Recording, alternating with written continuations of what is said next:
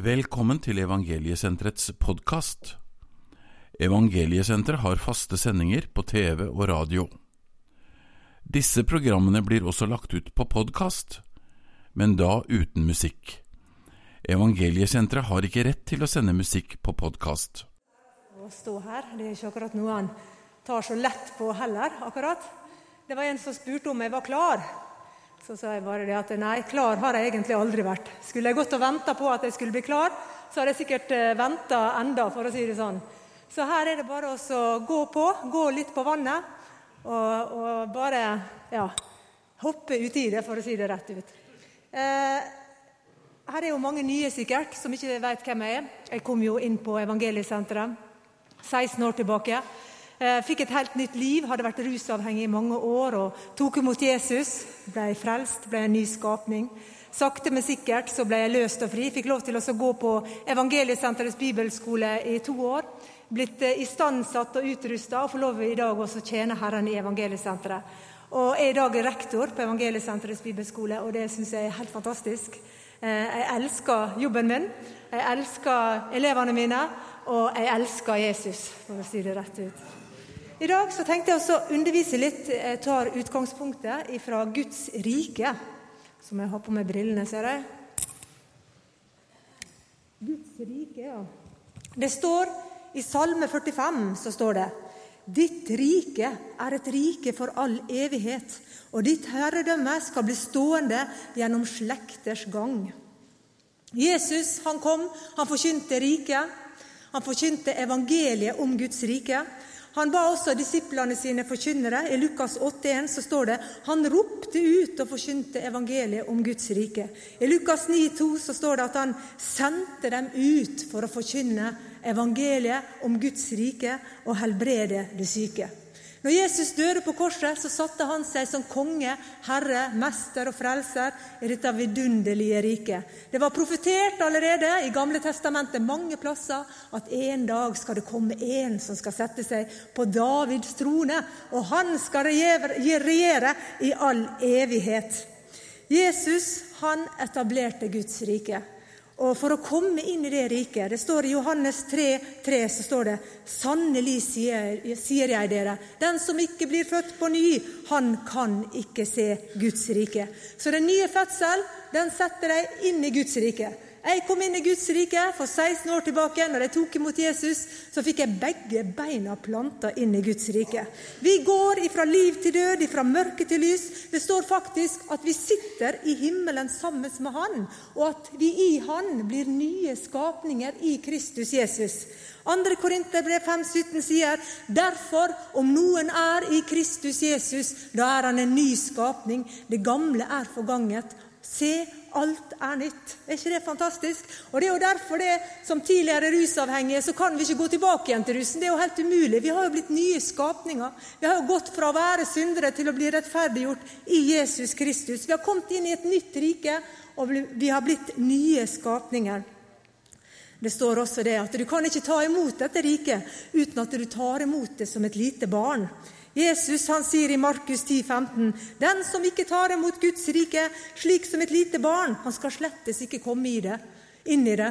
Sant? jeg vet om mange som sitter på sidelinja og aldri tar imot Jesus fordi at de prøver å forstå seg på. De prøver også å forstå Guds rike og forstå frelsen. Derfor så tar de egentlig aldri imot Jesus. Men du må bli som et barn. Du må bare ta imot i lydig tillit til Gud. Da får du lov til å komme inn i dette riket. Og riket det er jo ikke et rike som du kan se med øynene. Nei, det er et åndelig rike. I Lukas 17, 20 så sier Jesus, når fariseerne spurte han om tiden for Guds rikes komme, så sier Jesus Guds rike kommer ikke slik at han kan se det med øynene. Heller ikke skal de si 'se her' eller 'se der', for sannelig, Guds rike er inni dere. Guds rike har tatt bolig i oss. Det er et åndelig rike der Jesus sitter på tronen. Han sitter på tronen i våre sine hjerter og i dette åndelige riket som vi har fått lov til å ta del av. Og vi kan se, vi kan virkelig se en demonstrasjon av Guds rike på jord, f.eks. gjennom Evangeliesenteret, gjennom menighetene. Så ser vi resultatet av Guds rike. Guds rike består ikke av å spise og drikke, står det, men i rettferdighet, fred og glede. Rettferdighet. Hvilken rettferdighet? Jo, Jesu Kristi rettferdighet. Den rettferdigheten vi får tilregna gjennom tro. Det står det da vi nå er rettferdiggjort av tro, så har vi fred med Gud og vår Herre Jesus Kristus. Vi blir rettferdiggjort gjennom troen. Og I Romerbrevet kapittel 5 fra vers 18 så står det altså liksom en manns overtredelse, det var Adam, førte til fordømmelse for alle mennesker. Slik blir også en manns rettferdige gjerning til livsens rettferdiggjørelse for alle mennesker. For liksom de mange kom til å stå som syndere ved den enes ulydighet, så skal de mange stå som rettferdige ved den enes lydighet. På grunn av at Jesus Kristus var lydig, og han levde et fullkomment liv, han var fullkommen rettferdig, så kan vi få lov til å få tilregna hans rettferdighet. Gud gjorde det så, ja, han gjorde det så genialt at han tok oss og putta oss inn i Jesus Kristus. Våre sine liv er skjult med Kristus i Gud. Amen. Så når Gud ser ned på deg og meg, amen, så er han fornøyd fordi han ser sin sønn i oss. Og du er fullkommen rettferdiggjort. Han har fraregna deg all din synd og tilregna deg Jesu Kristi rettferdighet. Amen. Det står det i 2. Korinterbrev 5,19. For Gud var i Kristus Jesus, og han forlikte verden med seg selv, så han ikke tilregner dem overtredelsene deres. Og så har han gitt oss forlikelsens tjeneste, eller lagt forlikelsens ord ned i oss. David han hadde sett det for lenge siden, og han skrev i salmene salig, salig er de som har fått sine lovbrudd tilgitt, og de som har fått sine synder dekket over. Salig er den mann som Herren ikke tilregner synd. Amen. Er ikke det fantastisk? Hæ? I dette riket kan vi stå inn framfor Gud, fullkommen rettferdig, syndfri. Vi er tilgitt. Amen. Du er planta med begge beina i Guds rike, rettferdig som hans sønn som, slik som hans sønn var. Halleluja, det er fantastisk. Slik som han er, slik er vi i denne verden. Amen. Det er nesten for godt til å være sant. Halleluja. Vi er ikke nok med bare at vi er rettferdige. vet du. Hva står i Efeserbrevet 1,37? Jo, lovet være Gud, vår Herre Jesu Kristi Far, Han som har velsignet oss. Han har velsignet oss med all absolutt all åndelig velsignelse i himmelen i Jesus Kristus. For i Han har Han utvalgt oss før verdens grunnvoll ble lagt, for at vi skulle være hellige og ulastelige inn framfor Hans åsyn. I kjærlighet har Han forutbestemt oss til å få barnekår hos seg ved Jesus Kristus etter sin viljes frie råd til pris for sin nådes herlighet, som han ga oss i den elskede. I ham har vi forløsningen, ved hans blod, syndenes forlatelse, etter hans nådes rikdom. Er ikke det fantastisk? Kalt og utvalgt i Han før verdens grunnvoll er lagt. Hellig, ren og rettferdig. Faktisk, I Kolossebrevet så sier han også at det stiller oss fram som hellige, ulastelige og uklanderlige inn framfor Gud. Å være hellig, det betyr, det betyr egentlig at vi er satt til side for en spesiell hensikt. Å være ulastelig, det betyr at det ikke finnes noe feil og mangel på deg. Å være uklanderlig, det betyr at du er uten skyld. Er ikke det fantastisk? Hæ? Denne posisjonen har vi inn framfor den levende Gud av det Jesus gjorde. Denne posisjonen har vi inn framfor Han i Hans rike. Halleluja. Fantastisk. Og i dette riket så eksisterer det bare én lov, og det er kjærlighetens lov. Ett nytt bud gir jeg dere, sa Jesus. Ett nytt bud, og det er at dere skal elske hverandre. Den som ikke elsker, står det i 1. Johannes 4,8. Den som ikke elsker, kjenner ikke Gud, fordi Gud er kjærlighet. Gud er kjærlighet. Gud er agapekjærlighet. Han er ikke noe hvilken som helst sånn menneskelig tilkortkommen kjærlighet. Nei, han er en kjærlighet som elsker på grunn, ikke på grunn av, men på tross av alle ting. Han ønsker kun det beste for deg. Dette her er en guddommelig kjærlighet. Eh, denne kjærligheten ble åpenbart ved at Jesus Kristus døde på korset. Det står det i 1. Johannes 4,9. Ved dette ble Guds kjærlighet åpenbart iblant oss, at Gud sendte sin enbårne sønn til verden for at vi skal leve ved Han. Før korset, før Jesus kom, så visste de egentlig ikke hvem Gud var. Jesus han sier det faktisk flere plasser. I Johannes 7, 28 så sier han bl.a.: Dere både kjenner meg og vet hvor jeg er fra. Jeg kommer ikke fra meg selv, men Han som sendte meg, er sannferdig, Han som dere ikke kjenner. Men jeg kjenner Han, for jeg er fra Han, og Han sendte meg. I Lukas 10, 22 så sier han det at alle ting er overgitt til meg og min far, og ingen vet hvem Sønnen er uten Faderen, og hvem Faderen er uten Sønnen, og den Sønnen vil åpenbare ham for. Jesus kom til jord og åpenbarte for oss hvem Faderen er. Jesus er bildet på den usynlige Gud. I Hebreabrevet 1,3 så står det at denne avglansen av Hans herlighet og det uttrykte bildet av Hans vesen det står i Johannes 1, 18 at aldri noen har, noensinne noen sett Gud, men den enbårne sønn, som er i Faderens favn, har forklart han. Den som har sett meg, har sett Faderen, sa også Jesus. Så Jesus, han er så, eller Gud er som Jesus. Det tok meg faktisk noen år å forstå det. Jeg har hatt litt sånn feil bilde av Gud egentlig i mange år. Jeg så liksom Gud på litt sånn Han var liksom litt sånn streng og litt sånn sint, og, og takk og lov for Jesus som var snill og god og gikk imellom. Jeg hadde liksom et litt sånn feil gudsbilde. Så når det gikk opp for meg det at jeg, jeg brukte å si til elevene mine jeg brukte å si til elevene, Hvis dere vil kjenne Gud, så må dere lese Det gamle testamentet. Og hvis dere vil kjenne Jesus, da må dere lese Det nye. I dag så hadde jeg aldri villet sagt det. I dag hadde jeg sagt at hvis dere vil kjenne Gud, så se på Jesus. For Gud er Jesus. Jesus er Gud. Det er fantastisk, altså. Det rocka om på hele gudsbildet mitt. Så det var helt fantastisk å kunne se det, at Gud, Jesus, kom for å vise oss også hvem Faderen er, og at Faderen er god. Han er full av kjærlighet, og det har han egentlig alltid vært. For så høyt har Gud elsket verden, at han ga sin enbårne sønn, den enbårne, for at hver den som tror på han, ikke skal gå fortapt, men ha evig liv. Han sendte ikke sin sønn til verden for å dømme verden, men for at verden skulle bli frelst ved han. I Jesaja 31 så står det:" Ja, med en evig kjærlighet så har jeg elsket deg. I Safania 3,7 så står det:" Han skal fryde seg over deg med glede, og i sin kjærlighet så gir han deg hvile. Han fryder seg over deg med jubel. Så Gud, han er kjærlighet. Og så, ga, og så viste han denne her kjærligheten til oss. Mens vi enda var syndere, står det i Romerbrevet 5,8. Men Gud viser sin kjærlighet til oss ved at Kristus døde for oss mens vi enda var syndere. Halleluja. Gud er god. Han er kjærlighet. Og det mest fantastiske av alt det er at han har tatt noe av denne kjærligheten, denne substansen som han er, og lagt ned i våre sine hjerter. I Romerbrevet 5,5 så står det, nei, i Romerbrevet 5,5 så står det Og håpet gjør ikke til skamme, for Guds kjærlighet er utøst i våre hjerter ved Den hellige ånd.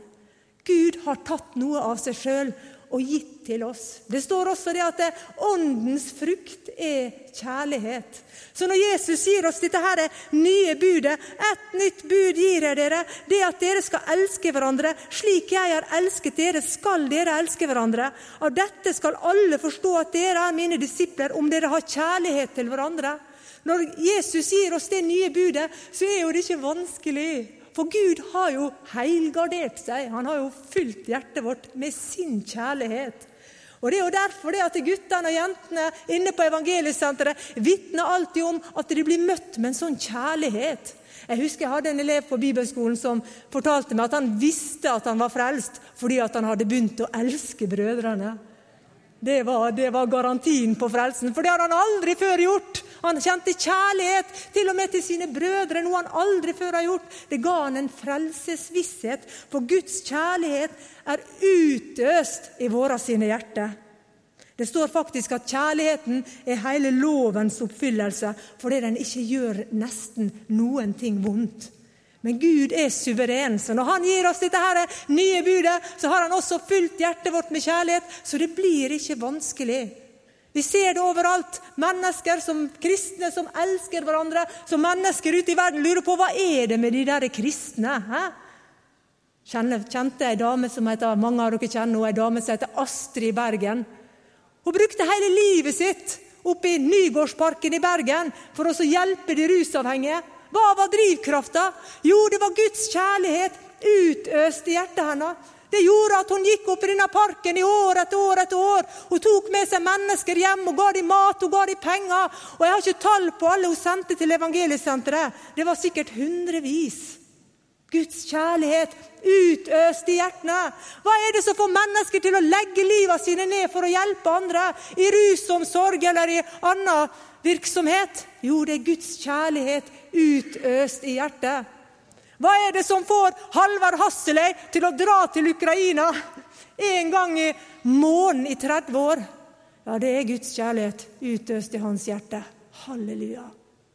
Vi har fått Guds kjærlighet. Den bor i oss. Og Paulus han sier det egentlig ganske klart og tydelig. Det er kanskje noe av det viktigste vi gjør som borgere i dette himmelske riket. Det er å vandre i kjærlighet. I Feserbrevet sier han 'vandre i kjærlighet', kapittel 5, vers 2. I 1. Korinterbrev 14,1 så sier han at vi skal jage etter kjærligheten. I Kolosserbrevet 13, 14 så sier han 'men framfor alt dette må dere ikle dere kjærligheten, som er fullkommenhetens bånd'. Kjærlighet skaper fullkomne bånd imellom oss. I 1. Korinterbrev 16, 14 så sier han faktisk 'alt dere gjør' Den er ganske radikal. Her. Alt dere gjør, må gjøres i kjærlighet. Og Peter han sier det, han også. Og framfor alle ting ha inderlig kjærlighet til hverandre, for kjærligheten dekker over en mengde synder. Derfor skal vi vandre i kjærlighet. Når vi er borgere av dette himmelske riket, så skal vi få lov til å vandre i kjærlighet, og på dette skal verden se at vi er annerledes. De skal få se at vi tilhører Jesus, og de skal få en lengsel etter oss å ha det vi har fått. Faktisk så er det en bok som faktisk heter Kjærlig, 'Kjærlighetens vei, den fullkomne vei'. Og det er noe med at Hvis du vandrer i Guds kjærlighet, så vandrer du egentlig fullkomment etter Guds plan. Hvis du behandler alle mennesker med den kjærligheten Gud har lagt ned i livet ditt, hvis du møter mennesker med Guds kjærlighet, da er du midt i Guds vilje med ditt liv. Er ikke det fantastisk? Vi er kalt til å elske. Det er det vi er. Vi skal elske hverandre slik som Han elsket oss. Med en agapekjærlighet, en betingelsesløs kjærlighet. Men så er jo det ikke vanskelig heller, i og med Han har utøst denne kjærligheten i våre sine hjerter. Derfor fyller vi oss med Guds kjærlighet. Vi søker Guds kjærlighet, vi vandrer i den kjærligheten, og vi gir denne kjærligheten videre. Halleluja. Loven i Guds rike. Kjærlighetens lov eller Kristi lov. Det står også i 1. Korinterbrev at Guds rike det består ikke bare ord, men det består også i kraft. Kraft, kraft til frelse, kraft til helbredelse, kraft til mirakel og under og tegn. Kraften, hva er kraften i riket? Jo, det må være nåden. Nåden er Guds kraft. Nåden i våre sine liv, halleluja, det er Guds kraft som virker. Og Bibelen snakker faktisk om eh, mange forskjellige eh, mange for, at Gud, nei, Bibelen sier faktisk at det er en mangfoldig nåde. Bibelen snakker om en frelsende nåde, en nåde til å bli frelst. For av nåde er dere frelst ved tro. Vi står i en nåde. Ved Han har vi også i troen fått adgang til denne nåden vi står i. Vi står i en nåde. Vi blir frelst av en nåde. Bibelen snakker også om en nåde, eller vi kan si en kraft, som opptukter oss. For Guds nåde er åpenbart til frelse for alle mennesker. Den opptukter oss til å fornekte ugudelighet og de verslige lyster, og til å leve sedelig og rettferdig og gudsfryktig i den verden som nå er. Og Bibelen snakker også om en nåde til å tjene. Så Bibelen har en masse aspekter av forskjellige nåder som egentlig er Guds kraft. Paulus han sa det, for ved Guds nåde er jeg det jeg er. Og Hans nåde mot meg har ikke vært forgjeves, men jeg har arbeidet enda mer enn dere alle. Dog ikke jeg, men Guds nåde, eller Guds kraft, som er med meg. Og det vet jeg mange her inne kan si også. Jeg er det jeg er av Guds nåde, og jeg gjør det jeg gjør på grunn av Hans nåde. Det er fantastisk. Så dette riket som vi befinner oss i, på samme måte som ja, fuglen flyr i lufta og fisken er i vannet, så beveger vi oss i nåden. Halleluja. Vi er begge beina planta i Guds kraft. Vi beveger oss i Guds kraft. Det er det vi gjør. Eh, jeg kan aldri glemme en gang jeg, jeg var veldig stressa, jeg hadde veldig mye å gjøre. og Jeg skjønte ikke hvordan jeg skulle på en måte få tida til å forberede meg til alle møter og undervisning. og det var ikke måte på. Så var det en lærer på bibelskolen som sa til meg at Hanne, du må lære deg å bli storforbruker av Guds nåde. Amen. Da ble jeg fri. Da skjønte jeg at det, det handler ikke om meg, men det handler om Guds kraft. Amen. Og Guds kraft har vi fått del i. Den bor i oss. Jesus er jo nåden. Han bor i oss. Så det handler om oss å bli storforbrukere av den nåde, den kraft som har tatt bolig i oss. Halleluja. Fantastisk. Så Guds rike et rike som består av fred og glede, av rettferdighet, der kjærligheten råder. Et rike der nåden, eller kraften, er substansen i det vi beveger oss i. Er ikke det fantastisk? Det riket har vi fått lov til å få en, ta, ta, del i. Og det riket, det spirer og gror i hjertet ditt. Har du tenkt på det? Har du merka det? Det står faktisk det at um, han sammenligner Guds rike med et sennepsfrø. Eh, det står at eh, hva er Guds, I Lukas 13, 18 så sa han hva er Guds rike likt, og hva skal jeg sammenligne det med? Det er likt et sennepsfrø som et menneske tok og plantet i hagen sin. Og det vokste, og det ble et stort tre, og himmelens fugler bygde rede i grenene på treet. Igjen sa han, hva skal jeg sammenligne Guds rike med? Det er likt en surdeig som en kvinne tok og gjemte i tre mål mel, og til alt var gjennomsyret. Guds rike det kan begynne som et lite, spirende frø, og det kan vokse seg stort. Eh, og Det fikk jeg erfare i mitt eget liv når jeg tok imot Jesus for 16 år tilbake. Da sådde han et lite frø i hjertet mitt den gangen der så tok ikke jeg det så alvorlig. Jeg tenkte det at Den ene dagen så tenkte jeg ja, ja, i dag følger jeg Jesus, og den andre, og andre dagen så gjorde jeg egentlig akkurat som jeg ville. Men etter hvert som jeg fikk lov til å lære han å kjenne, så begynte dette her frøet som var sådd ned i hjertet mitt, å spire og gro. I dag har det blitt det største jeg har opplevd i hele mitt liv. I dag betyr det egentlig alt. Alt dreier seg om Han og Hans rike i mitt liv. Sånn gjør Gud det for oss, og han ønsker at vi skal vokse i Han. Han ønsker vekst. Selv om du er fullkommen rettferdig, du er hellig, du er ren, du er lastelig, du er klanderlig, inn framfor Gud i det du tar imot Jesus, så er du det bare som et lite barn. Du må vokse, og du må bli en moden kristen. Bibelen snakker faktisk om å vokse i nåde og i kjennskap til vår Herre og Frelser Jesus Kristus. Vi vokser i Guds kraft, og vi vokser i det å kjenne Han. Og jeg tror det at Noe av nøkkelen er i neste setning til vår Herre og Frelser. Det handler om å gjøre Han også til Herre i livet, ikke bare til Frelser. Jeg har jobba mange år i evangeliesenteret, og jeg ser mange som lykkes. Og jeg ser mange som mislykkes. Den største forskjellen er kanskje om de har gjort han til herre. Er han herre i livet ditt? Det ønsker Gud for at vi skal ha. Det er jo et kongedømme. Han er jo konge, det er ikke noe demokrati. Vi kan ikke gjøre som vi vil. Han er konge. Han er herre i våre sine liv. Vi må krone han som herre i vårt liv. Da vokser vi. De som gjør det, de vokser egentlig veldig fort. For Jesus han ønsker at du skal bli en disippel av han. Han ønsker at du skal være en ambassadør i dette riket. Han ønsker at du skal uttrykke han i denne verden. Han ønsker at du skal være med og spre dette riket videre. Gi det til andre mennesker. Det ønsker han. Vi har fått forlikelsens tjeneste. Vi skal forlike andre mennesker med Gud, sånn som vi sjøl har blitt forlikt med han. Det står I Markus 4, 26 så står det, det at det, det er fantastisk. Guds rike er som når en mann skal så såkornet i jorda. Han sover om natten og er oppe om dagen. Såkornet det spirer og vokser, men selv vet han ikke hvordan det går til. Sånn er det litt også for oss også. Det er ikke så mye i oss sjøl vi kan gjøre foruten å holde oss nær til Jesus. Fylle oss med Hans ord, gjøre Han til Herre i våre sine liv. Så sakte, men sikkert så begynner det å spire og gro og vokse i vårt indre. Guds rike det vokser ikke bare i mitt og ditt sitt liv. Nei, vi kan se det vokser rundt omkring i verden også. Vi har sett det opp gjennom historien, også i Norges land. Tenk at det er bare 500 år siden, siden reformasjonen. Det er, jo helt, eh, det er jo helt utrolig å tenke på at det er bare 500 år siden. Men i norgeshistorien har vi hatt store gudsmenn som Hans Nilsen Hauge og Åge Samuelsen og Arild Edvardsen og Lise, Ludvig og Lise Karlsen, som har fått lov til å være med og bygge Guds rike i Norge. Som har fått lov til å være med og endre nasjonen.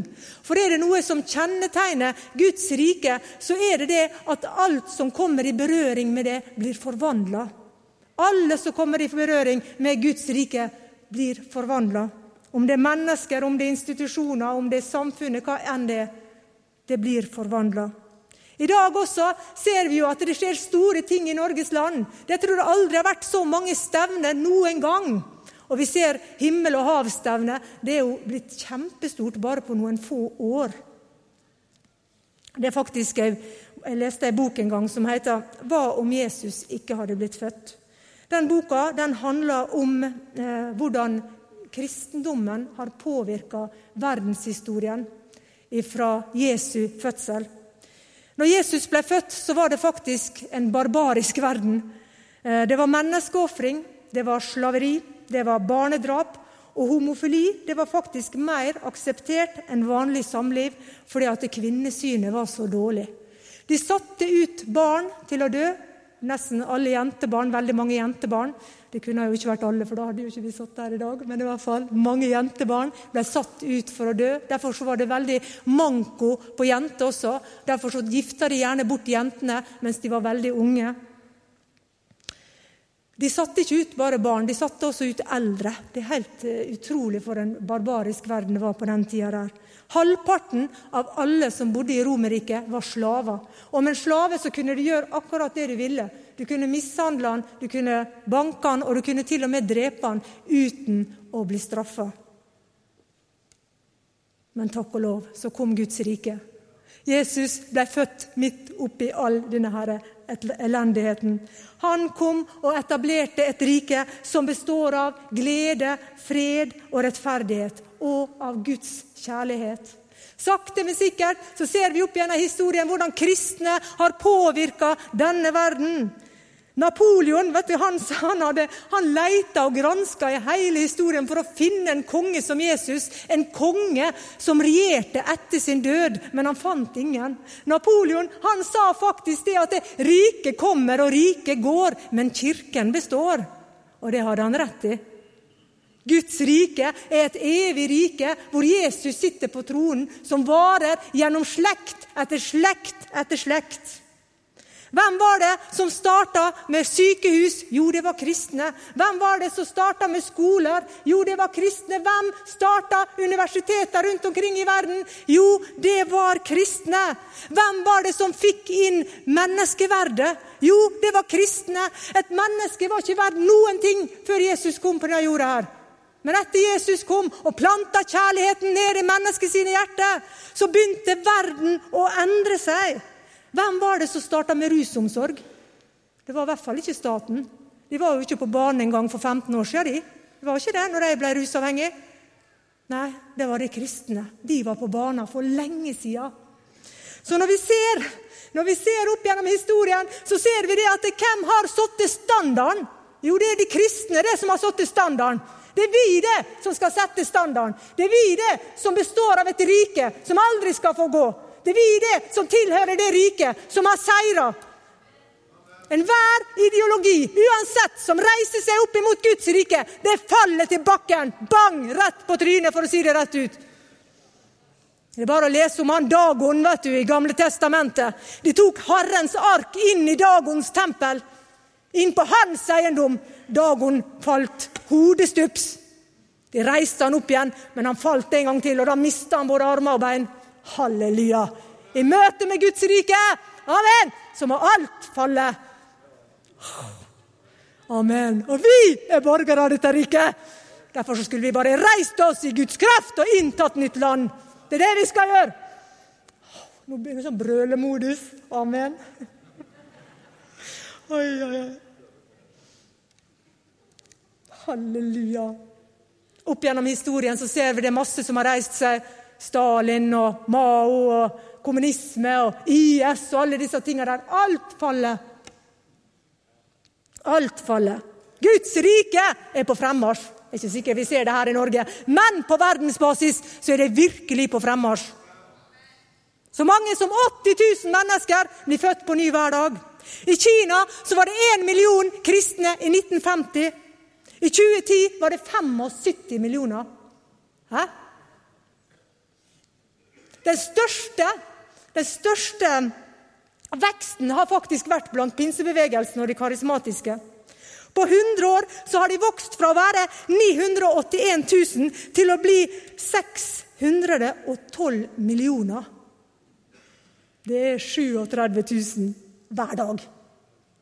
Amen! Hæ? Guds rike er på fremmarsj! Amen! Halleluja! Vi er på seierslaget!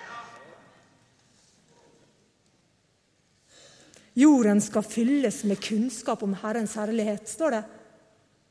Nå strides jo teologene om når det er, da, men vi er på god vei. Det står faktisk, I dag så er det faktisk 2,3 milliarder kristne som bekjenner seg til navnet Jesus. Det er 32% av verdens befolkning. Andre steder i verden så skjer det store vekkelser. Nasjoner, Mange nasjoner har blitt forvandla bare de ti siste åra. Nasjoner som før levde på hedningsvis, har blitt nasjoner som tilhører Guds rike. Reinhard Bunke hadde jo et korstog i år 2000, eh, i, år 2000 i, i Nigeria. Seks millioner mennesker deltok. Og etter korstoget så var det 3,2 millioner som skrev under på at de hadde blitt etterfølgere av Jesus. Halleluja. Traff en av dem. Det var en, jeg traff en oppe i Skiptvet. Han var her på stevnet i går, kanskje han er her i dag også. Han hadde blitt frelst på en av korstogene til Reinhard Bunke. Og nå hadde Gud sendt han til Skiptvet, for der skulle han tjene Herren. Er ikke det fantastisk? Hæ? Hæ?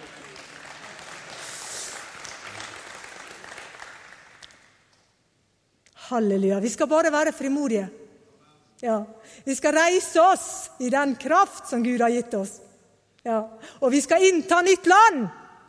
Og vi ser det at eh, de som reiser ut og forkynner evangeliet, de bare plukker folk inn. Det er ingen problem å høste folk inn i dag. Snakka så vidt med Ole Petter i stad også. Hadde kjøpt seg et gammelt telt, så nå var han ute og evangeliserte. Pastoren som hadde blitt evangelist, sa han. Og det var ikke noe problem. Folk ble frelst i hopetall. Guds rike går fremover. Og jeg tror det at før Jesus kommer igjen, så skal vi få se mange mennesker frelst. Du ser jo hva som skjer nede på himmel og hav, og du ser hva som skjer i evangeliesenteret og på andre stevner. Mange mennesker blir frelst. Jeg tror faktisk jeg tror, må jeg si, at jeg tror aldri det har vært så mange rettroende kristne i Norge noen gang. Mm. Amen. Halleluja. Jesus sa, 'Fred være med dere'. Som Faderen har utsendt meg, så sender jeg dere. Han sa også, 'Gå ut og gjør alle folkeslag til disipler' 'idet dere døper dem til Faderen og til Sønnen og Den hellige ånds navn.' Og lære dem å holde der alt det jeg har befalt dere, og se, jeg er med dere alle dager inn til verdens ende. Til slutt så har jeg bare lyst til å sånn Det var noe jeg drev og tenkte på i går kveld. Men jeg har lyst til å beskrive oss, eller en mann eller en person i det riket. Jeg kan si oss, da. Hvem er vi, vi som tilhører dette riket? Jo, det er vi som er frelst og født på ny. Det er vi som har blitt Guds barn og nye skapninger og har blitt levende håp. Det er vi som har gjort, Herre, gjort Jesus til Herre og Frelser i våre liv. Er, det er vi som er rike, for vi er velsignet med all åndens velsignelse. Men allikevel så kan vi kjenne en fattigdom i vår ånd. Det er vi som er, vi er hellige, vi er satt til side, vi er rettferdige, vi er tilgitt for synden vår er sonet. Vi er faktisk ulastelig og uklanderlig inn framfor Han av det Jesus gjorde. Våre liv er skjult i Jesus Kristus. Vi har gått ifra mørke til lys, og vi har gått ifra død til liv. Vi skikker oss ikke lik denne verden. Nei, vi søker det som er der oppe. Vi har lagt av det som hører det gamle mennesket til, løgn og hor og baktalelse. Vi er fredsstiftere. Vi ber og vi får, og vi ber til og med for våre fiender. Vi går lett den andre mila, og vi vender lett det andre kinnet til. Vi tåler å lide urett, vi tåler å bli forfulgt, vi tåler å bli hånet og spottet. For vi har en glede, en glede i Herren som gir oss styrke.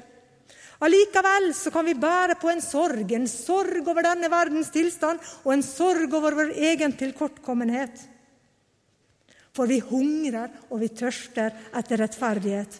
Det er vi som er jordens salt. Det er vi, vi som er verdens lys. Amen.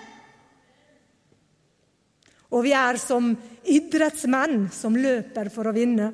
Vi er som en bonde som sår for å høste. Ja, vi er som en soldat som står i en krig. Det står en krig mellom riket, Guds rike, og mørkets krefter. Og vi veit at vi er på seierslaget, men allikevel så er vi væpna til tennene. Vi har åndelige våpen, amen, og vi er ikledd Guds fulle rustning, sånn at vi kan bli stående gjennom alle ting etter å ha vunnet seier på seier på seier. Halleluja. Sannhetens belte. Vi vandrer i sannhet. Sannheten er Guds ord. Sannheten om oss sjøl og hvem Han er. Vi har ikledd oss Jesu Kristi rettferdighet, rettferdighetens brynje. Vi har blitt rettferdiggjort, og vi produserer rettferdige gjerninger. Det er frukten av et liv sammen med Jesus. Du begynner å gjøre det rette. vet du. Du fortsetter ikke sånn som du holdt på før. Du begynner å gjøre det rette. Ikke noe med at du blir rettferdiggjort, men du får en rettferd. På beina det står faktisk at det har vi fredens evangelium, som gir villighet til kamp. Det er merkelig. He? Et fredens evangelium som gjør deg villig til å kjempe. He? Og vi har tatt troens skjold, som har seira over verden. Vår tro har seira over verden. Troen på Han. Og vi har Åndens sverd, som er Guds ord. Frelsens hjelm, som er vissheten på at vi er frelst. Vi er født på ny. Vi tilhører ikke denne verden, men vi tilhører Hans rike. Vissheten om hvem vi er inn framfor Han. Og vi holder fast på bekjennelsen. Og vi blir stående i troen. Og vi er fulle av Guds kjærlighet. Og vi vinner seier etter seier. Halleluja. Halleluja, Jesus. Fantastisk. Hæ? At vi får lov til å være del av dette riket. At vi får lov til å bli nye skapninger i Han. Få et nytt liv. Få en utrustning fra himmelen. Det er fantastisk. Og at Gud har gitt oss et mandat. Vi skal gå ut i verden og vinne mennesker for Han. Vi skal la dette riket, dette riket som opp gjennom hele historien har satt en standard i denne verden. Og verden har faktisk tatt etter. Det er verden som tar etter Guds rike. Det er ikke vi som skal ta etter verden. Det må ikke vi gjøre. Vi må leve et annerledes liv, et hellig liv for Han. Halleluja. Søke Hans rike, Hans rettferdighet, først av alt. Halleluja. Fantastisk. Å, vidunderlige Jesus, takk at du er konge. Takk at du er Herre, du er Mester og du er Frelser i dette rike, Herre, som har kommet, Jesus, til denne jorden, Herre.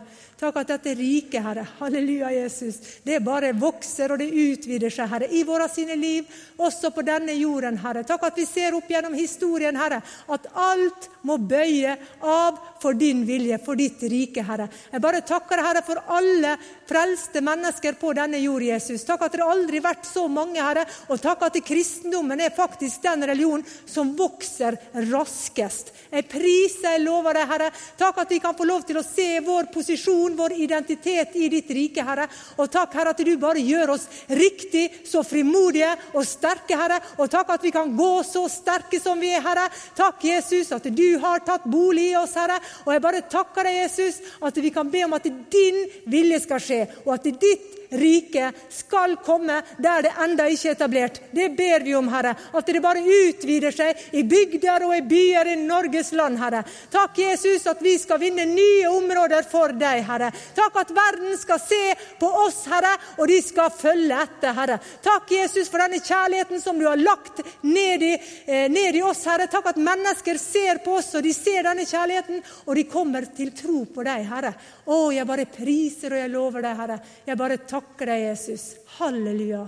Takk, Jesus. Takk at du fant oss, Jesus, og du putta oss inn i ditt rike, Herre. Priser og lover deg. I Jesu navn. Amen. Programmet du hørte har tidligere blitt publisert på radio og TV. Mer informasjon om våre sendinger får du på vår hjemmeside evangeliesenteret.no.